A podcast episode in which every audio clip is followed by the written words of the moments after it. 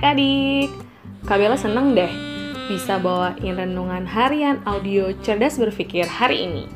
Melalui renungan hari ini, kakak berharap pikiran kita semakin diisi oleh kebenaran firman Tuhan ya.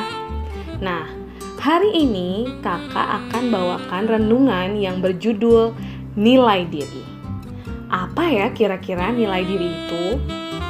Nah, nilai diri adalah penilaian atau penghargaan terhadap diri sendiri yang diukur dari ukuran tertentu. Gampangnya gini, kalau Tono mengukur nilai dirinya dari harta, maka bagi Tono nilai diri adalah aku berharga, spesial karena aku punya banyak uang, punya rumah, punya mobil, dan masih banyak yang lainnya.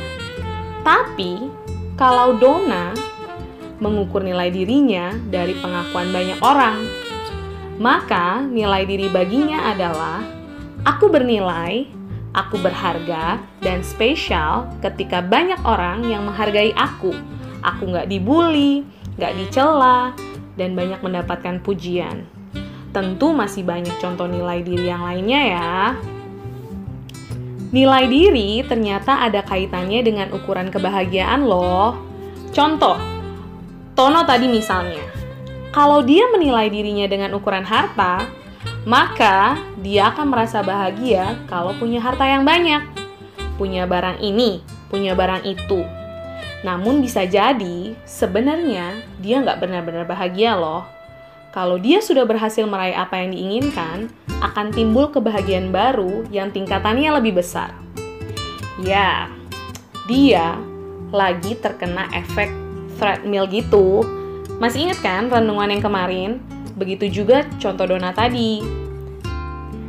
Nah, kisah perumpamaan tentang orang kaya yang bodoh yang beberapa hari ini kita bahas juga mengukur nilai dirinya dengan ukuran harta dunia.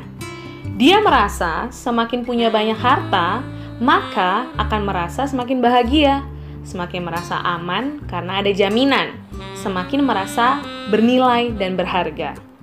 Sebenarnya, menjadi kaya, terhormat, dipuji banyak orang, dan lain sebagainya, nggak salah sih. Dalam rangka menjadi berkat bagi banyak orang, kesemuanya itu bisa jadi sarananya. Tapi, yang salah adalah apabila kita menjadikan harta, kekayaan, kehormatan, pujian orang, dan sebagainya adalah nilai diri dan sumber kebahagiaan utama. Masalahnya nih, dunia memberi kesan bahwa diri kita akan lebih bernilai jika punya banyak harta, terhormat, terkenal, disanjung orang, dipuji orang, dan itu disuguhkan melalui banyak hal. Salah satunya adalah televisi, lalu medsos, artis idola, dan yang lainnya.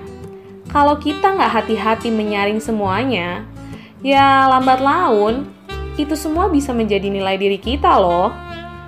Adik-adik, Rasul Petrus dalam 1 Petrus pasal 3 ayat yang ketiga sampai keempat bilang gini. Perhiasanmu janganlah secara lahiria, yaitu dengan mengepang-ngepang rambut, memakai perhiasan emas, atau dengan mengenakan pakaian yang indah-indah. Tetapi perhiasanmu ialah manusia batinia yang tersembunyi dengan perhiasan yang tidak binasa yang berasal dari roh yang lemah lembut dan tentram, yang sangat berharga di mata Allah. Jadi, sebenarnya pesan ini awalnya adalah pesan bagi istri atau ibu rumah tangga. Soalnya, bagi mereka pada waktu itu, nilai diri diukur dari banyaknya perhiasan yang dipakai. Rasul Petrus mau bilang bahwa nilai diri bukan diukur dari hal-hal lahiriah kayak gitu, tapi manusia batinia, yaitu karakter yang semakin berkenan kepada Allah. Tapi kalau dipikir-pikir, pesan ini juga bisa kita kenakan dalam hidup kita loh. Ternyata nilai diri kita haruslah dibangun bukan berdasarkan hal-hal materi dan lahiriah seperti yang kakak sebutkan tadi, tapi berdasarkan pertumbuhan manusia batinia, yaitu karakter yang semakin berkenan kepada Allah dengan mengerti dan melakukan firman Tuhan. Jadi jangan salah dalam menilai diri ya. Mari kita berdoa. Tuhan, bantu kami supaya kami tidak salah dalam mendapatkan nilai diri kami.